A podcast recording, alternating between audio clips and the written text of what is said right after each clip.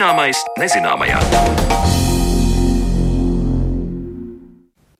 Labdien, cienījamie klausītāji! Raidījums Zināmais nezināmajā, kā ierasts šajā laikā kopā ar jums. Jūs veids raidījuma producente Paula Gulbīnska un pie mikrofona jūs uzrunā Mariona Baltkalne. Šīs dienas raidījuma centrā ir dažādi attēli. Tās ir gan ilustrācijas, kas stāsta par vēsturi, gan fotografijas, kas var pateikt gan to, ko redzam šobrīd, gan patiesi pastāstīt arī par pagātni. Fotogrāfiju gadījumā mēs runāsim par astrofotogrāfijām, un ar to palīdzību amatieri un profesionāļi iegūst gan skaistas, estētiski baudāmas ainas, gan noderīgus datus par visuma vēsturi. Kāda tehnika tiek izmantota un cik tālu varam ielūkoties visumā, to raidījuma otrajā pusstundā atklās pētnieks Ilgonis Vilks. Bet raidījumu sāksim ar mūsu arhīva stāstu par cita veida attēliem, ilustrācijām viduslaiku manuskriptos. Sākot ar izceltiem iniciāļiem līdz miniatūriem attēliem. Ilustrācijas viduslaiku manuskriptos kalpoja dažādiem mērķiem. Vai tās bija alegorijas, līdzības vai reālu norišu zīmējumi, un vai palīdzēja izprast tekstu lasīt nepratējiem. Par ilustrāciju nozīmi stāsta Latvijas Universitātes Akadēmiskās bibliotēkas rokrakstu un reto grāmatu nodaļas vadītāja un vadošā pētniece Aija Taimiņa. Šī būtu saruna par vairāk nekā 2000 gadu ilgu pieredzi, un varbūt pat vēl ilgāku. Jo man gribas teikt, ka tie, kam šo jautājumu būtu jāuzdod, ir pavisam citi domātāji, un tās ir pavisam citas attiecības, kas liecina par filozofisku pasaules skatījumu. Un jautājums ir par materiālo pasauli, par informāciju, proti, ziņām par pasaules uztveri, par pasaules saprāšanu un interpretāciju. Un tādā gaismā ir jāskatās arī uz tādu fenomenu kā teksts, vēstījums, informācija un attēls. Šī saspēle. Tā uzrunāta intervijai par grāmatu ilustrācijām teica Latvijas Universitātes Akadēmiskās bibliotekas rokrakstu un reto grāmatu nodaļas vadītāja un vadošā pētniece Aija Taimiņa. Vēl ilgi pirms šiem senajiem domātājiem parādījās attēls. Te runājam par tūkstošgadīgiem zīmējumiem uz alu sienām. Bet šoreiz kopā ar grāmatu vēsturnieci skatīsim laika posmu pirms pirmajām iespiestajām grāmatām. Tas ir līdz 16. gadsimta sākumam. Pētīsim, kā ilustrācija palīdz, skaidro un parāda grāmatā esošo tekstu.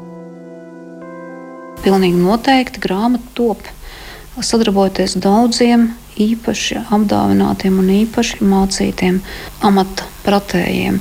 Jo pilnīgi skaidrs ir tas, ka rakstīšana nebūtu nav tā joma, tā zināšana un spēju joma, ko pārvalda daudzi. Tie ir izraudzīti cilvēki, tāpat kā zīmēšana. Un kādas ir attēlu un teksta savstarpējās attiecības? Attēls var paskaidrot, attēls var izdaļot, attēls var palīdzēt tam, kas tiek galā ar tekstu. Vai tam, kam ir dažas grūtības tekstu uztverē, ir dažādi instrumenti, kā var tikt attēls izmantots. Un tā tas ir līdz šim arī noticis. Noteikti ir jāpiemina tas, ka attēla funkcija un attēla misija agrīnajā kodeksā, un, un te ir runa par kristīgiem tekstiem, bet tikpat labi arī par cita veida tradīcijām, cita veida pasaules uzskatiem. Attēls pilnīgi noteikti ir saistīts un palīdzīgs tiem, kam ir jāvar iedziļināties tekstā. Un te ir jārunā piemēram 6. gadsimtā kristīgajā baznīcā zināmo ļoti aso un ilgo diskusiju un strīdu par to, vai kristietībā ir pieļaujama ikonu pielūgšana, svētbilžu pielūgšana. Un te pieminēšu apgaismoto vīru vārdā Damaskas Jānis, kurš daudz ir teicis par to, kā attēls palīdz rakstītajam vārdam. Kā tiks attēlots neredzamais, kā atveidots neatveidojamais, kā ar krāsām uzzīmēts bezmiesiskais, Skaidrs, ka tad, kad ieraudzīsi bezmiesisko, kas tevis dēļ iemiesojies cilvēciskajā, tad attēlo viņa cilvēcisko izskatu. Kad neredzamais ieguvis miesu kļūst redzams, tad attēlo viņa atveidu, līdzinieku. Liela daļa no kristīgās draudzes jau nebija lasīta pretēji. Tāpēc saruna par to, vai ir cienīgi attēlot to, kas nav attēlojams, proti, dievišķu, dievu visās tās trīs formās, ir cienīgs un piedienīgs, jo dievs nav acīm redzams. Uzdevums tātad būtu šādi dievam netuvināties un iztikt tikai ar vārdu, bet otrs ir tas, kā tad runāt par to, kas nav vārdiem izsakāms, kas nav saredzams. Un te Damaskas Jānis saka savus vārdus par ikonu aizstāvību. Lai visur novietojam jutekliski veidotu dieva attēlojumu, tā svētījot pirmo no mūsu sajūtām, un pirmā ir redze. Tāpat kā vārdiem svētījama dzirde, jo attēls ir atgādinājums tiem, kas neprot lasīt, līdzīgi kā grāmata tiem, kas atmin lasīšanu un rakstīšanu. Attēls ir atgādinājums, attēls ir zīme, attēls ir palīdzīgs tiem, kas neprot, un raksts ir palīdzīgs tiem, kas prot. Šī ir tā agrīnā uzstādījuma robežsīm. Bet, protams, tālākais laiks rāda, ka šīs attiecības mainās. Un attēls nevienmēr ir tikai atgādinājums. Attēls pats vēst un pats skaidro. Bet stāsts par piecām maņām, ar kurām uztver pasauli, tā joprojām ir mm, būtiska lieta. Un tie, kas uh, viduslaikos mācību iestādēs, universitātēs, agrīnajās universitātēs apguva zinātnes, brīvās mākslas, vai teoloģija un tiesības. Visi šie studenti spēja uztvert pasauli ar piecām maņām, un tāpēc grāmatas, kuras tiem bija jāapgūst, un to bija daudz, tika veidotas tā, lai studentam atvieglotu mācīšanās procesu, un te ir runa par ļoti interesantu parādību, par mnemotehniku, par atcerēšanās mākslu. Un attēls šajās mācību grāmatās vai schēma vai tabula, vai kāda sistēmiski veidota teksta izklāstījums, grafiski sistēmiski veidots teksta izklāstījums vai teksts, kas ir ritmizēts, ir vienlīdz spēcīga atmiņas mehānisma garanti. Students pirmkārt redz, pēc tam viņš dzird, tad viņš sauž, tad viņš sajūt. Visas piecas maņas strādā, un tāds ir šis 513. gada students no senas grāmatas Parīzē, Parīzes Universitātes profesora radītas grāmatas par šādām pasaules uztveres un teoloģiskām lietām. Es redzu, sēdam jaunēkli krēslā, viņš tur atvērtu grāmatu, Un tas interesantākais ir tas, ka pieres vietā tur ir uzzīmēts debesis jums ar zvaigznēm. Tā kā izplatīja zvaigznes, cirkstīja zvaigznes. Viņam dzirkstīja idejas, veidojas priekšstats, rodas domas, intelekts, tā sakot, dzirksteļo. Šo attēlu var arī aplūkot mūsu radio interneta vietnē pie šī raidījuma, kur redzams šis zīmējums. Krēslā sēdošs students ar grāmatu vienā rokā un rakstām spalvu otrā. Kā teica Aija Taimiņa, tā ir formula inteliģencei. Uzcitīgais students apgūst respektīvi gudrību. Nav runa par grāmatu. Grāmata ir gudrības metāfora, zīme, simbols. Šis apzinīgais students, kuram ir jāapgūst gudrība un kuram ir, ir acīm redzama arī kaut kas tomēr jārada, jo viņu vienā rokā ir spalva, rakstām spalva, tiek teikts mums tiem, kas skatās, ka viņam ir jādarbina visas savas jūtas. Ar acīm jālasa, ar ausīm jādzird, ar acu palīdzību vēl jāvar ne tikai lasīt, bet arī rakstīt. Viņam ir pilnīgi nepieciešams arī sarunāties, un viss iznākumā viņu vainago, kā lentavrs viņa galvas apvīta tēli. Jāsaka tā, tā veidojas intelekts.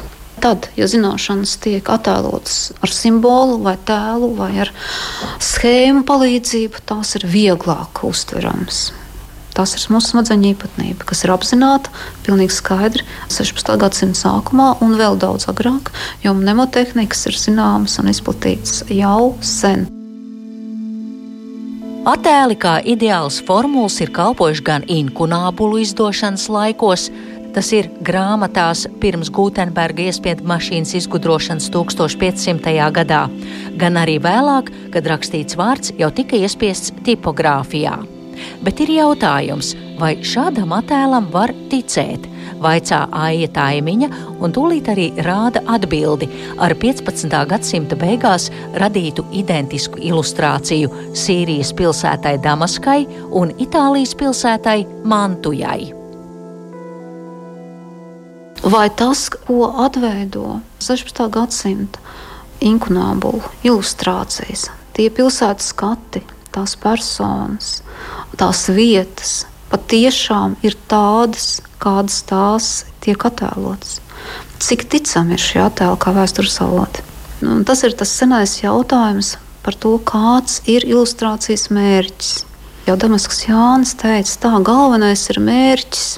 Un jāsaka, gan arī pēc tūkstotis gadiem tie, kas ilustrē grāmatas 15. gadsimta otrajā pusē, apzināti vai neapzināti, kā galveno uzdevumu stāda mērķi, nevis tā konkrēto izpaudumu. Un tāpēc eh, domāt, ka Ingunoblu periodu un vēl 16. gadsimta grāmatas ilustrācija ataino patiesi realitāti tādu, kāda tā bija tolaik, ir dziļi, kļūdaini un pat naivi. Manā priekšā ir 1497. gada Augsburgā izdota pasaules kronika, kur uzrakstījis Nīderlandes ārsts un dzinieks un literāts Hartmans Šēdels. Tā ir slavenākā, visvairāk iemīļotā 15. gadsimta otrās puses iespiestā ilustrētā grāmata. Pasaules kronika ar attēliem. Grāmatā ir 1809 ilustrācijas. Tas ir saskaitīts.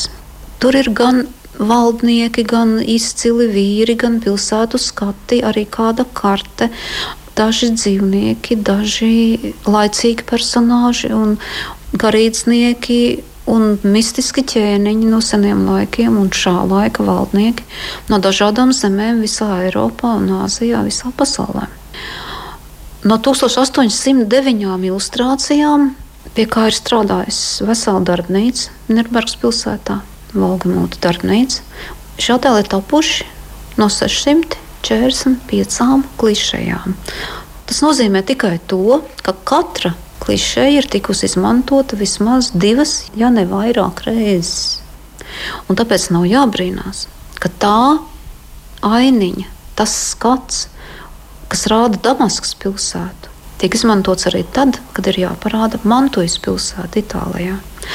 Pirmkārt, man gribās teikt, ka pilnīgi droši jādomā, ka Nīderlandes kogriezējs un zīmētājs nebūs bijis nec Damaskā, nec Mantujā un ka ir tikuši izmantoti arī šīm klišajām paraugi, kādi nezināmi pirms tam zīmējumi vai apraksti. Tā ir vispār zināma praksa. Ļoti bieži izmantota portretējot cilvēkus. Vienu un tie paši cienījamu un godājamu augststāvošu personu, proti, valdnieku attēlojumu izmantoti gan Bībeles laika ķēniņiem, gan seniem valdniekiem Eiropā, gan tikpat godājumiem laika biedriem, izdevēju un rakstītāju laika biedriem. Tāpēc uzticēties attēlu ziņām, agrīnajā ilustrētajā grāmatā nemaz nevajag. Arī šīs ilustrācijas varat aplūkot interneta vietnē pie šī raidījuma apraksta. Tā ir tikai mākslinieka pasniegta formula. Kompozīcijas, iespaida un efekta labad mākslinieks ir vai nu nedaudz piekoriģējis īstenību, vai nav attēlojis to vispār teica Latvijas Universitātes Akadēmiskās bibliotēkas rokrakstu un reto grāmatu nodaļas vadītāja un vadošā pētniece Aija Taimiņa. Attēls kļūst par formulu. Attēls nav dokuments, attēls nav fotografija, attēls ir mākslas darbs.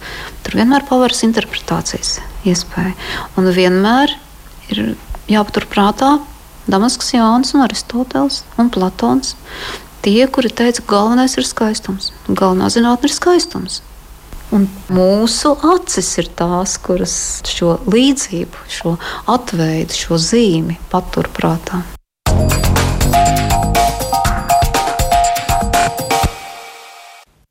Tas bija stāsts no mūsu arhīva, kurā pētniece Aija Taimiņa skaidroja ilustrāciju daudzveidību un nozīmi viduslaiku manuskriptos. Bet krietni senākā pagātnē par viduslaikiem un arī tagadnē ļauj ielūkoties astrofotogrāfijas, un par tām runāsim pēc brīža raidījuma turpinājumā.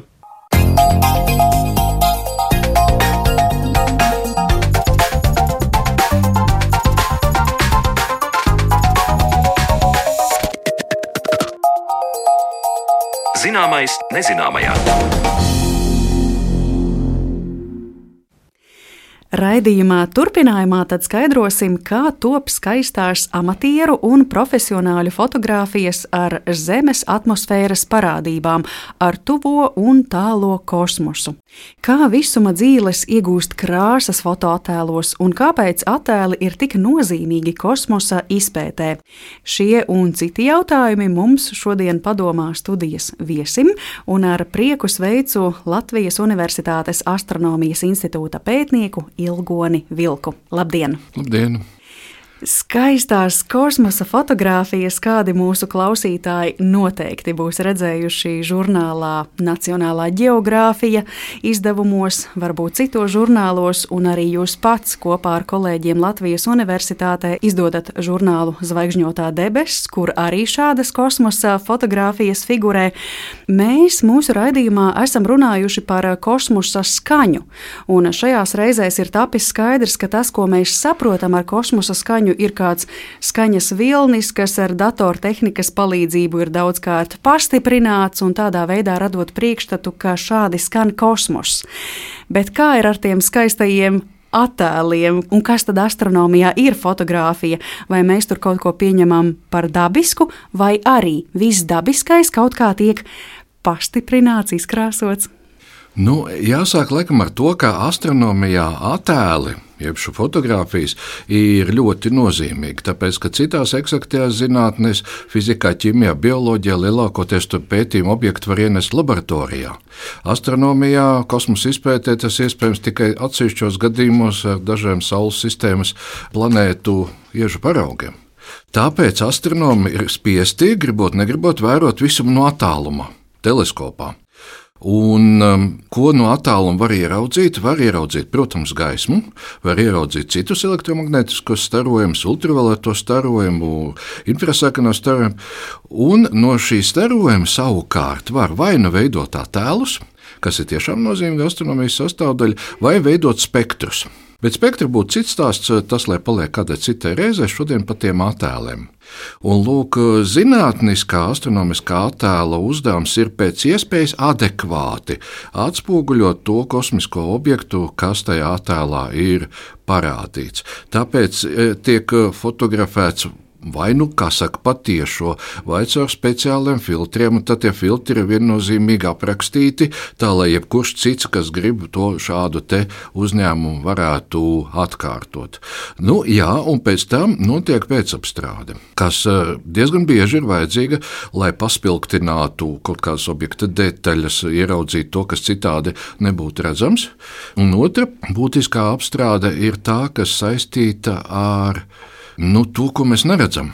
Nu, lūk, mūsdienu kosmiskie teleskopi un mazākā mērā virsmas teleskopi uztver gan radioviļņus, infrasarkano starojumu, redzamo gaismu, ultravioleto, rentgena, gamma starojumu. Kosmoss, kā saka, mums staro visā pilnībā, un zinātniekam arī jāspēj to nofiksēt. Un kā parādīt to, kas ir nav redzams, nu skaidrs, ka, ja parāda attēlā, tad jāizmanto kāds nosacīts krāsas. Labāk, laikam, mums ir pazīstami šie infrasārkanība siltuma attēli, kur mēs tā intuitīvi uztveram labāk, ka zilais ir vēsākas vietas, sarkanais ir siltākas vietas, bet īstenībā mēs to neredzam. Siltumu mēs varam tikai just. Cik lielā mērā mēs varam runāt šajos attēlos par to, ka tas, kas tur ir skatāms, tas patiešām tāds dabiski arī ir, un cik lielā mērā tas ir tas, kas ir iegūts pēcapstrādē? Lūk, to vienmēr arī, nu, vismaz attiecīgi zinātniskajos darbos, to vienmēr arī norāda. Kā piemēram, lūk, šis ir redzamās gaismas attēls, kāda miglāja, kuram virsū ir uzklāts, piemēram, rentgenstarojuma attēls. Tad šie divi diapazoni kopā uzreiz dod vairāk informācijas, vai radioviļņu attēls. Tad tam, kā saka attēla parakstā, ir tiešām visam ļoti precīzi jābūt norādītam. Tāpēc, tā kā šāda attēla ir informatīvāka, tad vairāk patiesībā jūs internetā un citur redzēsiet šādus apstrādātus attēlus. Bet vienmēr ir, kā saka, jālasa starp rindām, jāvēro, kas tur ir pie attēla klāta rakstīts. Mm. Ja tā ir teksts dabiskās krāsās, tad jā. Lūk, piemēram, mēs esam pieraduši redzēt Jupiteru nu, noteiktās krāsās, tādas dzelteni brūnas izteiktas joslas. Šai planētē pavisam nesen Džeims Veba kosmiskais teleskops uzņēma Jupiteru infrasarkanajā diapazonā, attēlojot to nosacītās krāsās. Tad tur ir gan tādas brūnas, gan zilas vietas, kas parāda dažādu šo infrasarkano starojumu. Viņš Jupiters mums atklājas citā gaismā, burtiskā nozīmē. Mm. Jā, es iedomājos visas šīs skaistās enciklopēdijas bērnu bērnībā, kur ar tik daudzām un dažādām krāsām ir attēlotas planētas un citas kosmosa parādības, reālajā dzīvē varbūt viss tik krāšņi nav. Teikšu, ka tā tomēr nav. Labi, kopumā ņemot, ja jūs pavērsīsiet teleskopu uz gluži nejaušu kosmosa vietu, nu jūs tur redzēsiet zvaigznes pirmkārt. Un tās, kaut arī astronomi saka, sarkanie milži, baltie punduri, zilie pārmilži, tik košas tās krāsas nav. Ir viegli iezilganie pārmilži un viegli sarkanie milži. Tā kā, jā, tur tādās tīri zvaigžņu fotografijas tik daudz šo krāsu nav, bet ir gana daudz ļoti krāsainu visuma objektu. Mm -hmm. Tie paši miglāji. Liela daļa miglāju staro izteikti sarkanā krāsā, jo viņiem ir raksturīgs starojums. Noteiktas udiraža atomu šādu starojumu rada. Ir ļoti krāsaini miglāji, ir um, diezgan krāsainas uh, galaktikas arī mēdz būt, kurās īpaši kaut kāda sprādzienu procesa, tad tur notiek procesa augsta enerģija, augstāka temperatūra un citām krāsām. E, tā kā tā nu īsti nav. Visums ir, ja pameklē, tad ir diezgan diezgan krāsains. Kaut Jā. gan jāpiebilst, protams, tad, kad jūs raugāties ar acu teleskopā, tad situācija pavisam cita. Tāpēc, ka acu jutība nav tāda kā mūsdienu fotoaparātiem, mūsdienu fotodetektoriem, un raugoties ar aci, piemēram, to pašu Orionu miglāju, jūs redzēsiet tādu miglainu plankumiņu, un, ja neliels teleskops, tad pat ar grūtībām redzēsiet miglainu plankumiņu. Fotogrāfijas, kura tādu pašu teleskopu uztaisīs astronomijas amatieris, jau parādīs krāsas, jo fotoaparāts ir darbojas būtībā kā tāda video kamera. Viņi visu laiku uztver attēlu, un nu, tas attēls mainās. Bet uh, fotoaparāts var strādāt uh, minūti, stundu, diennakti un ilgstoši uztvert šo gaismu. Un kas tātad, lūk, vēl šeit astronomijai svarīgi?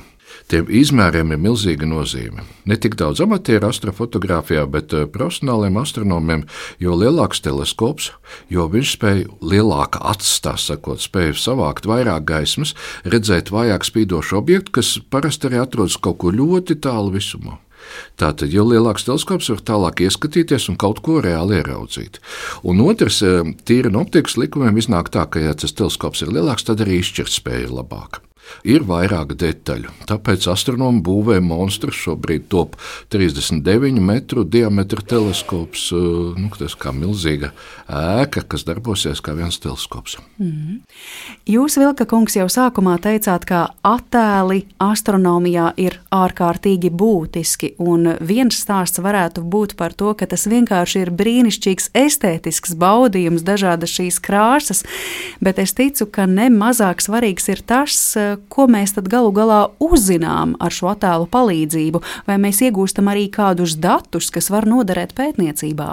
Nu, būtībā atkal profesionāliem astronomam tas ir primārais. Mm. Labi, attēls ir izdevies skaists, bet tas nav galvenais. Varbūt kāds radioattēls vispār sastāv tikai no tā saucamajām izolīnijām, kur ir vienāds radiospožums, un tad ir tāda kā kontūra karte jūsu rīcībā, bet kas varbūt pat ir informatīvāka, jo tur tad ir redzams uzskatām, kur kādi šie radiostarēm līmeņi nāk no kuras uh, objekta vietas. Tāpat arī attēls iespējams analizēt, ir iespējams mērīt spožumu dažādās attēlu vietās, un arī tādā veidā iegūt papildu informāciju. Tā kā tas profesionālam astronomam ir galvenais. Bet nu, vēl ir būtībā svarīgi iegūt to attēlu, jo tad, kad tas attēls ir, kad tu redzi kaut kādu ļoti tālu galaktikas struktūru, tad tu vismaz kaut cik vari saprast, ar ko ir darīšana. Ja tas ir vienkārši tāls gaismas punktiņš, nu, tad ir grūti. Tā kā, piemēram, sākumā novēroja pirmos kvazārus, šis eh, vārds eh, caur saīsinājumu nozīmē zvaigžņu objekts, kvazizvaigžņu objekts, tad ilgāku laiku bija grūti saprast, kas tad tie tādi ir, un tikai papildu pētījumi deva jaunus rezultātus. Tāpēc tam attēlam ir arī šāda nozīme. Vispār saprast, kas tas ir, uz ko tu raugies. Mm. Nu, redz, te mēs esam loģiski nonākuši pie nākamā jautājuma par to, kā tad šie profesionālie foto top. Jūs jau minējāt, ka astronomijā tiek veidoti milzīgi gabarīti, šie pētniecības objekti ar lieliem diametriem. Kas tiek galu galā izmantots? Satelīti, teleskopi, varbūt vēl cita veida aparāti, lai iegūtu šīs fotogrāfijas.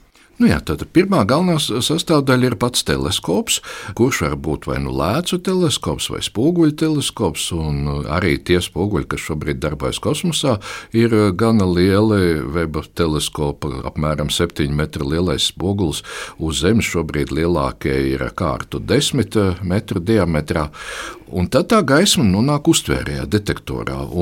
Reizēm cilvēki ir vīlušies, re, kur ir liels teleskops, viņā nevar ieskatīties ar aci. Kāpēc? Tāpēc, ka viņš ir paredzēts profesionālim uzdevumam, tur ir tikai kāds fotodetektors, kur arī mūsdienās tiem lieliem teleskopiem mēdz būt milzīgi, gandrīz vai kvadrātmetra lielumā tādas matricas, kas eh, cilvēkiem bija pazīstams agrāk. Viņas bieži bija eh, fotoaparātos un tādās dažādās eh, fotokamerās. Tagad tur ir drusku cits sensori uztveri. Nu, lūk, un tie ļoti jutīgi uztvērēji. Tad tie attēlu, tā kā saka, uzkrāja, uzkrāja to gaismu, uzkrāja elektrisko lādiņu veidā, pēc tam to attēlu nolasa, ieliek datorā pa pikseliem. Tātad šeit jau mēs runājam par digitāliem attēliem. Fotoplašu ēra pasaulē beidzās kaut kad 20. gadsimta pēdējā ceturksnī, tad, kad fotografēju uz fotoplatēm, un pēc tam varēja taisīt kopijas, attēlus, varēja fotoplats mērīt, bet šī ēra jau ir neatgriezniski astronomijā pagājusi. Mūsdienā visur izmanto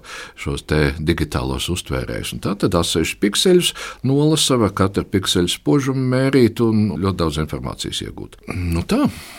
Bet šo teleskopu, kurā ir iespēja uzkrātos datus, tomēr attālināti kāds darbina, ja mēs tiešā veidā ar savu aci teleskopā neielūkojamies, vai to kāds dara attālināti no kāda kabineta un raugās uz to, kā teleskops skatās visumā.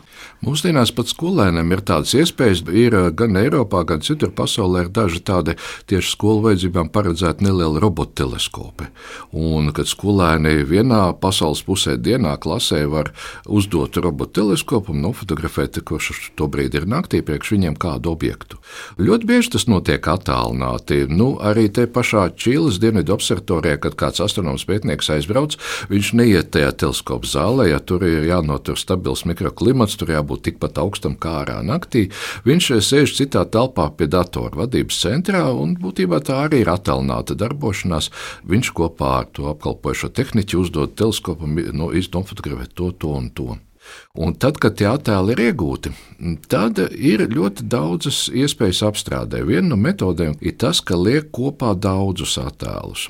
Nu, piemēram, Hubble kosmiskā teleskopa ir tāds slavens attēls dziļais lauks, kur tas teleskops ir paskatījies uz kaut kādu pavisam kā necilu debesu gabaliņu, kurā nav nekādas spožu zvaigžņu un galaktiku, un skaties, kas tur ir pašā lielajā tālumā. Izrādās, ka tur ir pilns ar galaktikām, kas tādu mazu plankumiņu šo attēlu nosēja. Un šis uh, attēls ir veidots uh, vairāk kā desmit gadus. Sākumā uzņēma pirmo fāzi, pēc tam vēl papildināja, papildināja, lika šo vienu attēlu kopā ļoti ilgstoši papildināt citiem viļņu garumiem, piemēram. Un uh, līdzīgu metodu lieto astronomijas amatieri. Latvijasiski mēs esam izdomājuši tam vārdu grēdošana. Tā kā nevis kaudzītē tādā nekārtīgā, bet tādā kārtīgā grēdā sakraut šos fotoattēlus. Angliski tas process saucas stacking. Un tad ir iespējams apstrādāt šo attēlu komplektu vienkopu, ir iespējams um, iegūt labāku rezultātu, labāk izceļas pats objekts, un fons uh, kļūst tumšāks un tā ļoti netraucē nekādi trokšņi. Bet es vēl gribēju saprast to ķēdes posmu, ja mēs runājam par šiem, piemēram, profesionāliem lieliem teleskopiem. Kā tas teleskops zina, kurā brīdī tie uzkrātie dati tagad būtu jānovada tajā datoriņā? Kā tā ķēdīte tehniski notiek? Nu, tie, tie sākotnēji procesori tiešām ir blakus tai matricai, ko uz tā tālu uztver, jo tur tie pārēdē jānotiek ļoti strauji. Pēc tam var, var pārsūtīt uz datoru jebkurā vietā, kur vajadzīgs. Tā ir saka, elektroniķu uzdevums, un tas ir jau pasaulē sen un labi atrisināts, un te nekāda problēma nav. Kā teleskops varbūt zina, kur viņam vajag pagriezties, lai redzeslokā būtu, piemēram, tas pats Oriona Miglājs. Tas savukārt ir debesu mehānikas uzdevums, kuri tika tā labi atrisināti jau 19. gadsimtā. Cilvēki mācīja precīzi izreikināt, kur, kad un kas būs redzams. Tā kā šeit zinātnīs tehnikas sasniegumi astronomiem kalpo ļoti labi. Mm. Nu, tas acīm redzot līdzīgi kā šobrīd eh, uz Marsa ir rovers, un rovers pats zina, kad atsūtīt attēlus uz Zemi. Jā. Jā, un tad sākas tālāk šī krāsa pievienošana. Tad parunāsim Jā. par krāsu pievienošanu. Mm -hmm. Pievienošana tas nebūtu varbūt precīzi. Tātad um, profesionālajā astronomijā izmanto matricu, kas uztver tikai pelēkās, pelēkos toņus, bet tad priekšā liek filtru, trīs dažādus filtrus - sarkanu, zaļu un zilu. Un fotografē caur šiem filtriem, reizē pat varbūt vairāk, un pēc tam, tā kā mēs iegūstam nosacītas sarkanās krāsas, attēlus zilās, zaļās, un tad viņas kombinējot kopā, iegūst pilnkrāsu attēlu. Tas ir nu, tāds varbūt pusprofesionālā astronomijā, augsta līmeņa amatieriem tāds ļoti tipisks pieejams, kā viņi to dara. Tas nozīmē, ka tas prasa trīs reizes ilgāku laiku to objektu fotografējot, bet eh, rezultāts arī ir ļoti labs. Un tā kā mūsu acis ir tā iekārtotas, ka viņās arī ir nosacīti šie filtri, jeb trīs veidu vālītes, kas uztver to sarkano, zilo un zaļo gaismu, tad um, tāpēc arī fotografijā šis process tādā veidā tiek atkārtots, un mēs uz papīra vai uz datora ekrāna iegūstam pilnkrāsu attēlu, kas labi atbilst tam, ko mēs uztveram. Mm. Tādā veidā tās krāsas eh, netiek pievienotas vēlāk, viņas tiek iegūtas šajā procesā. Mm. Ja mēs salīdzinām profesionāļu un amatieru tehniku. Šeit mums jau izskanēja Džeimsa Veba teleskops un Hubble teleskops. Kā ir ar amatieriem, kāds aprīkojums viņiem ir un cik tālu tad mēs varam runāt par amatieriskumu, izrietot no tā, kāda aparatūra viņiem ir? Nu, šeit galvenais moments būtu tas, kāpēc astronomijas amatieri fotografē debesis. Šeit galvenie ir šie estētiskie iemesli. Jā, labi, protams, ir astronomijas amatieri, kas varbūt piedalās kādos specifiskos projektos, novēro supernovas, novēro asteroīdu aizklāšanas un, un citas lietas, kur viņi tad attēls iegūst nu, jau profesionālam vajadzībām patiesībā. Bet tā astronomijas amatieri fotografē debesis savam un citu priekam. Un uh, šeit tas estētiskais moments priekšplānā, un tad, piemēram, ir svarīgi nevis tikai nofotografēt piena ceļu, bet arī, lai tas piena ceļš būtu kādā skaistā, interesantā ainavā lai būtu tas attēls pabeigts un uh, būtu to patīkami aplūkot. Tā kā šeit tie mērķi pavisam citi, nu, un tehnika arī līdz ar to ir cita. Būtībā var pat sākt ar mobilo telefonu. Mūsdienās mobilē telefonu kameras daudziem ir itin labas, un ja cilvēks māca viņu pārslēgt pro jeb nakts režīmā un uzliks nelielu statīvu, tad var jau iegūt sākt nakts debesu attēlus. Uh, piemēram, ir tāds vietējais astrofotografija konkurss uh, portālā Stārspēja iespējas. Tur šogad ir ieviesta speciāla mobīlo ierīču kategorija, kur tikai šādu uzņēmumu parādās. Bet, eh, lai fotografētu nu, tā, tiešām vairāk, daudzveidīgāk, tad ir kā minimums vajadzīgs digitālais fotoaparāts, eh, kuram var mainīt objektīvus. Ne tāds pavisam maz ziepju traucējs, bet drusku lielāks. Un um, statīvs, varbūt sekošanas iekārta, Nu, kā jebkurā hobijā, kā tikko cilvēks par to sāk nodarboties, parādās arī zināmas prasības pēc resursiem, zinām izdevumu.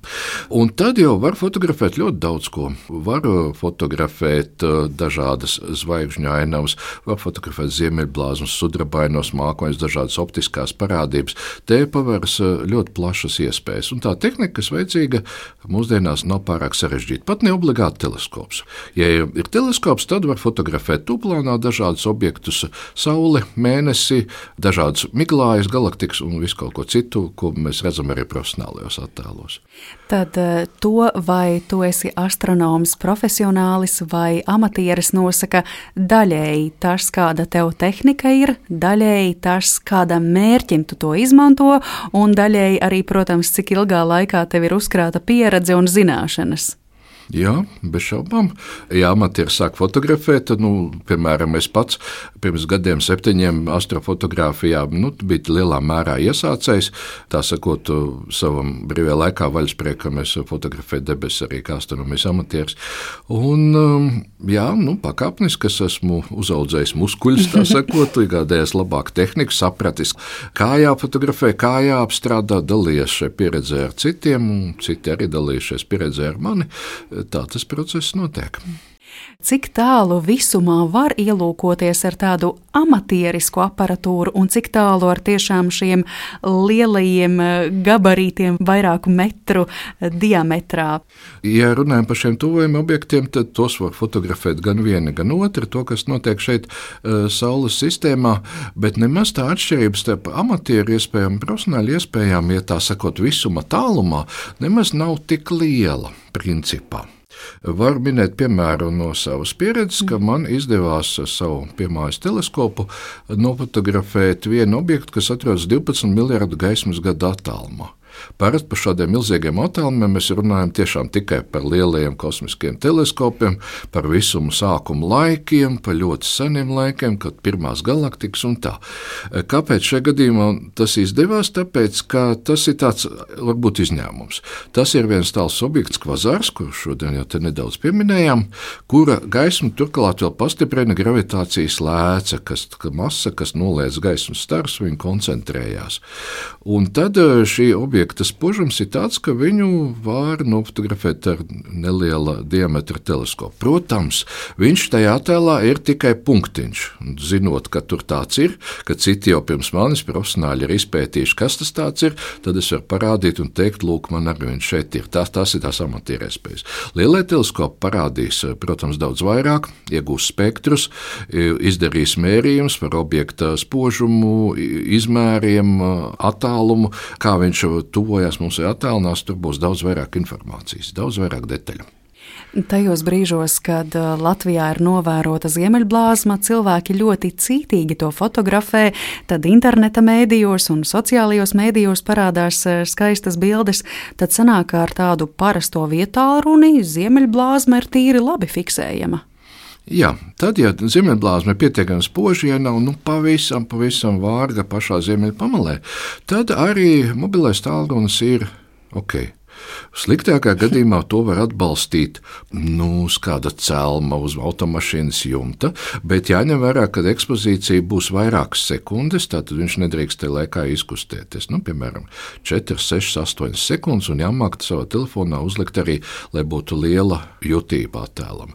Jā, un jums būs ziemeļblāzmas foto rokā. Jo ar aci redzēt, ziemeļblāzma mūsu platuma grādos ļoti reti mēdz būt tik spoža, ka ir labi saskatāms krāsas.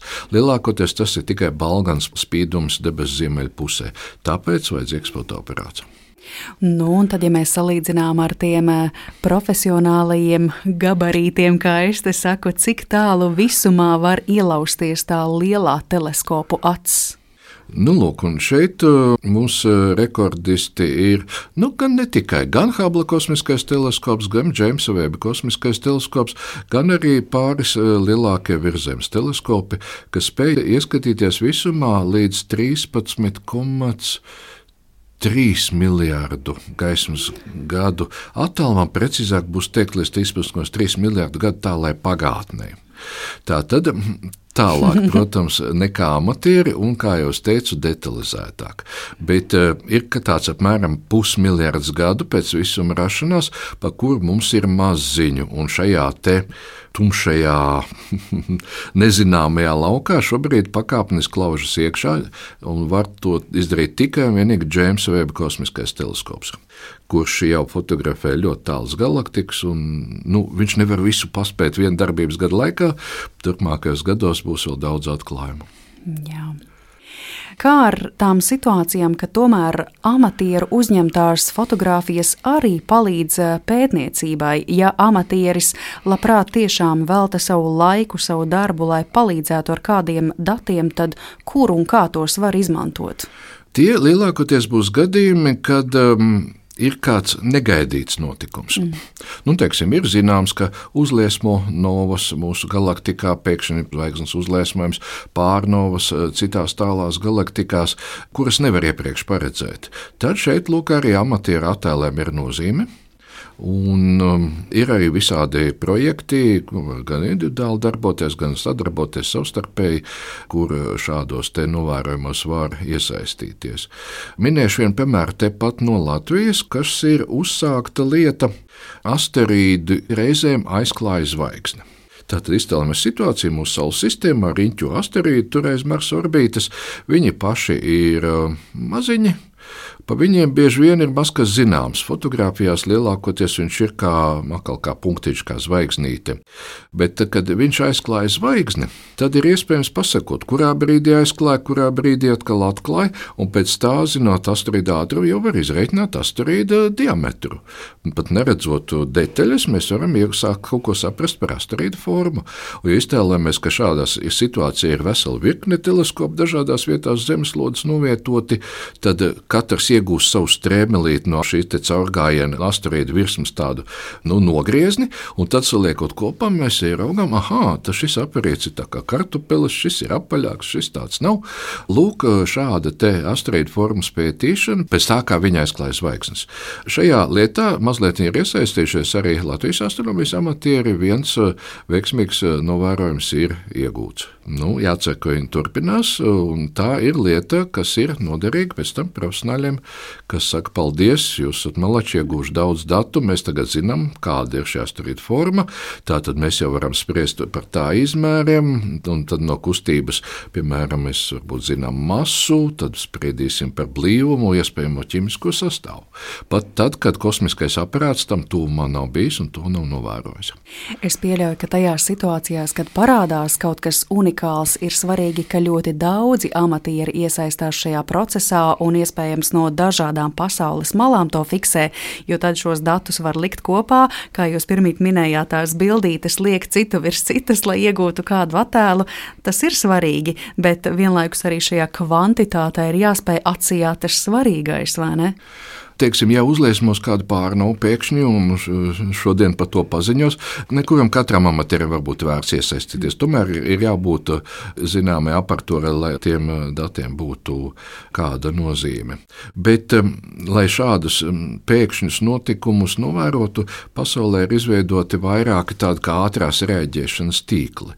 Piemēram, viens teleskops kosmosā reģistrē gamma uzliesmojumu un nekavējoties sekundžu laikā paziņo uz dažādām tādām observatorijām, kuras jau dažu minūšu laikā, nu, cik vajag ātri aptvert, kas par objektu koordināts un pagriezt teleskopu, var uzsākt tā novērojums. Lūk, šādi tīkli reāli darbojās, kuros ir iesaistīti dažos tīklos pat vairāk desmit observatoriju. Tādā veidā, piemēram, tika novērots tad, kad bija divu neitronu zvaigžņu saplūšana, radās gravitācijas vilnis, tas tika reģistrēts, paziņoja pārējām observatorijām, tās pēc tam pat vairākus mēnešus ilgi reģistrēja šī notikuma sekas pēc spīdēšanu. Tā kā nu, šādi tīkli jau eksistē, par šo jautājumu jau cilvēki ir domājuši. Mēs līdz šim sarunā esam runājuši par um, tehnikas nozīmīgumu, labu attēlu uzņemšanā. Vai jūs varētu teikt, ka ir nepieciešamas vēl kādas citas prasmes un ir jāizgraužas cauri daudzām citām grūtībām, lai iegūtu labas astrofotogrāfijas? Piemēram, man kā pirmā ideja nāk prātā laikapstākļi. O, jā, protams, īpaši jau Latvijā, īpaši jau rudenī un ziemā, gan profesionāli, gan amatieru astronomi gaužās par šiem laikapstākļiem, kas mūs nelutina un ķer katru skaidru nakti, un tad vēl pienāk spīdēt mēnesis, kurš uh, sagaismo debesis, un tad ir pa spožu, un tad atkal jāgaida.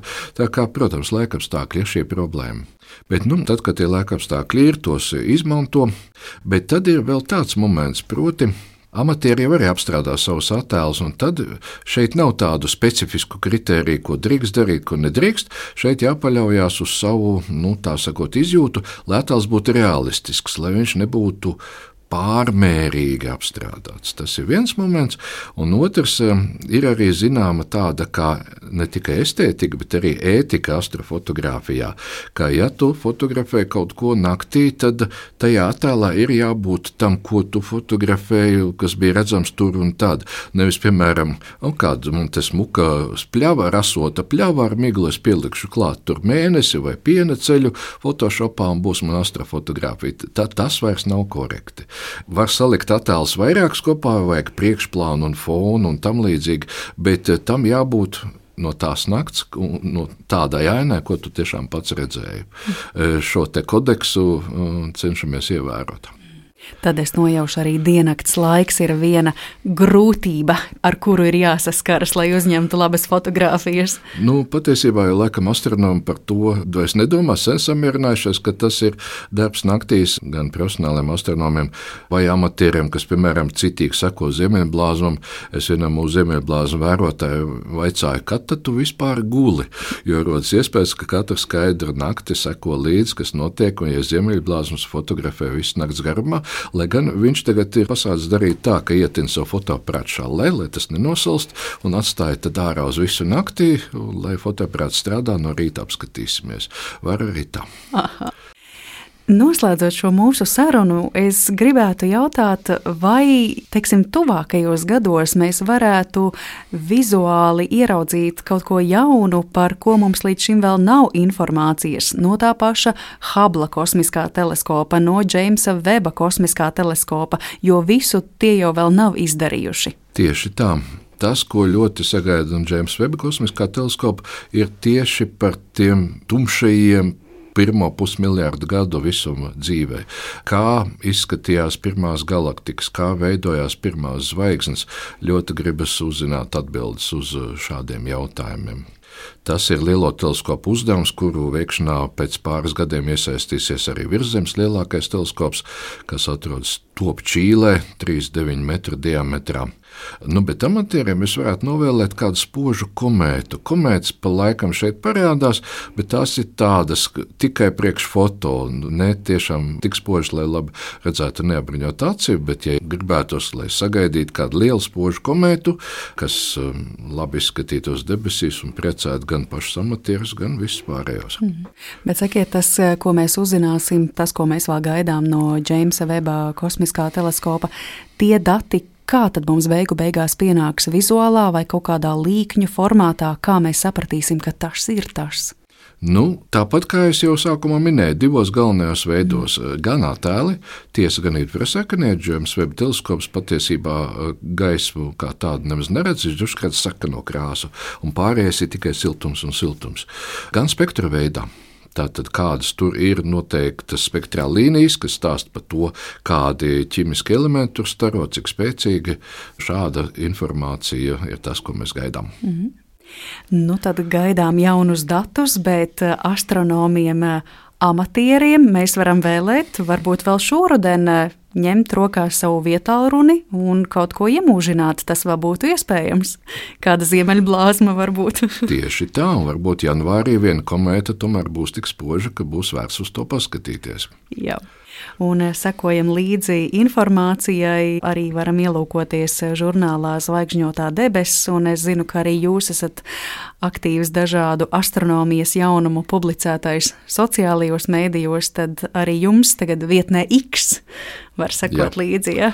Mm -hmm, tieši tā, sekojiet astrovilkam. Vilka kungs, liels paldies, ka jūs mums ļāvāt tā attālināti paceļot tuvākos un tālākos laika posmos un arī attālumos. Un es atgādināšu klausītājiem, ka ar mums šodien studijā kopā bija Latvijas Universitātes Astronomijas institūta pētnieks Ilgonis Vilks. Un ar to mūsu raidījums šodien noslēdzas. Par to parūpējās Paula Gulbīnska, Reinis Budze, Girts Bišs, bet ar jums sarunājās Mariona Baltkalne. Lai skaisti jūsu tuvākie un tālākie ceļojumi un uz tikšanos pavisam drīz. Visu labu!